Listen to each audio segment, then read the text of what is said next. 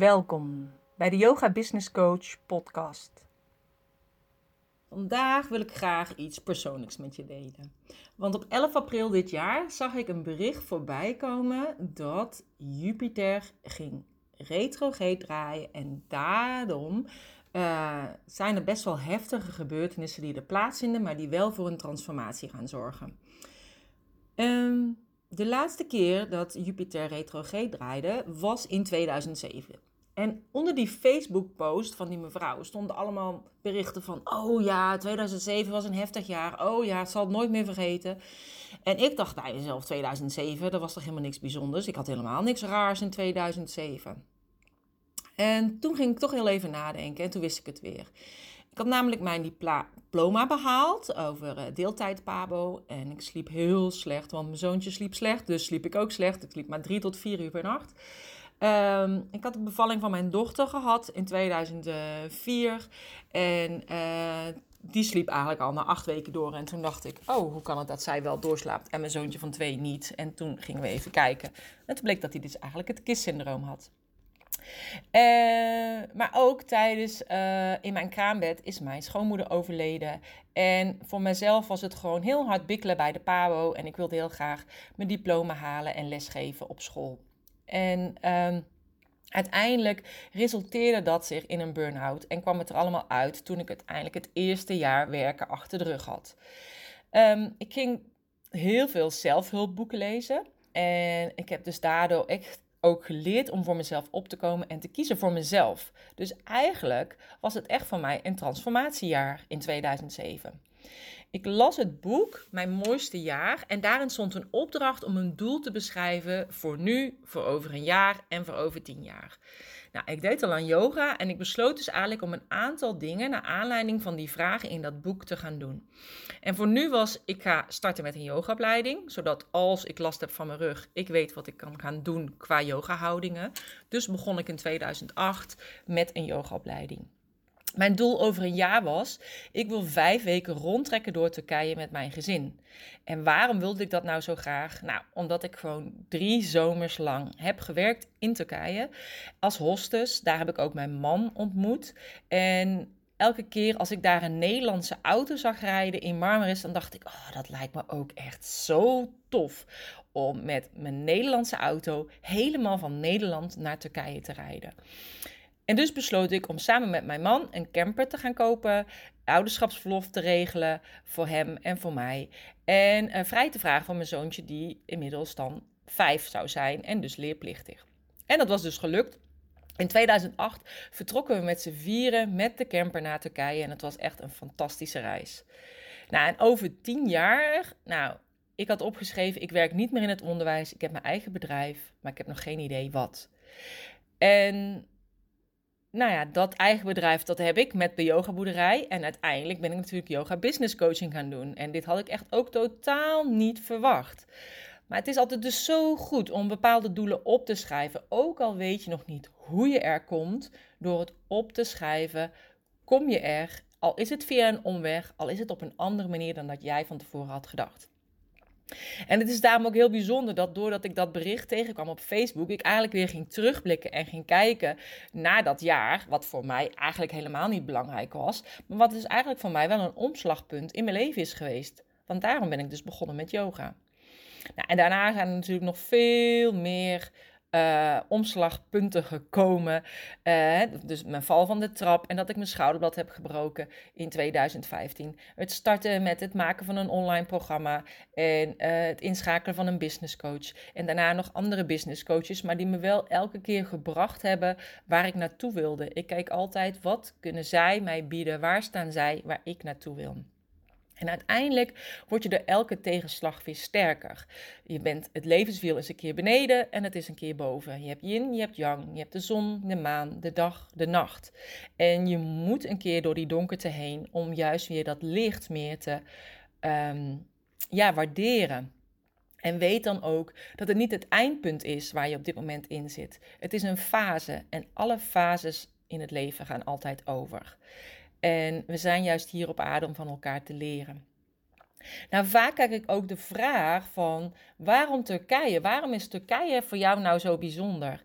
Ehm, nou, ik heb zelf vroeger Turkse les gehad en ik wilde heel graag naar Turkije. Ik wilde niet meer op kantoor zitten, maar dat is waar ik terecht kwam. Ik was goed in cijfers, uh, ik was goed in economie en uh, vanuit de MEO ben ik gewoon assurantie gaan doen, verzekeringen. Zat ik de hele dag op kantoor en ik vond het echt heel saai. En ik wilde zo graag naar het buitenland. En vandaar dat ik in de avonduren een opleiding hostess en stand, standplaats hostess en reisbegeleider ben gaan volgen. En dus in 1997 uh, eh, naar Turkije vloog. En, want ik wilde ook echt alleen maar naar Turkije en niets anders. Ik kreeg andere landen aangeboden om te gaan werken, maar ik heb overal nee tegen gezegd. En ik dacht, desnoods ga ik er gewoon heen en ik zie wel daar ter plekke. En pas echt drie weken voor vertrek kreeg ik echt deze baan bij uh, Sunrise toen aangeboden. Um, het was een fantastische periode waar ik echt heel veel heb geleerd. Um, nou, heel veel Turkse mensen in een badplaats spreken natuurlijk Engels en Duits. Dus daarvoor had ik het Turks niet voor hoeven leren. Maar het is wel heel fijn als je bijvoorbeeld met buschauffeurs in de bus zit op weg naar het vliegveld.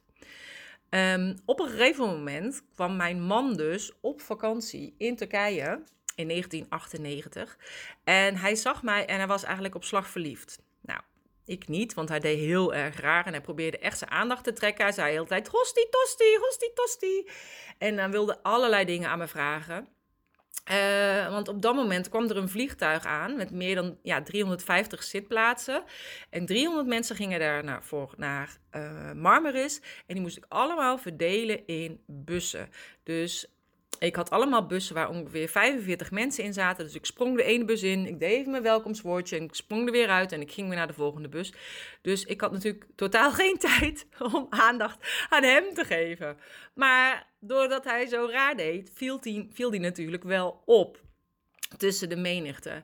En uh, de volgende dag uh, bij de welkomstbijeenkomst zat hij helemaal achteraan in het restaurant en was hij ook allemaal naar mij in het zwaaien. Hosti, tosti, hosti, tosti. Um, dus uiteindelijk viel hij wel op. En uiteindelijk nu denk ik, dat is net als met ondernemen, je moet natuurlijk ook opvallen op een bepaalde manier. Toen ik in zijn hotel aankwam, hij was een appartementencomplex, had hij gekookt. Nou, welke man die op vakantie gaat met een vriend gaat koken? Nou, ik ken ze niet, uh, maar hij wel. En uh, aangezien ik dus heel veel ging uiteten. Ik ging alleen maar uiteten, want dat was het meest makkelijke. En het was eigenlijk ook nog voordeliger dan zelf koken.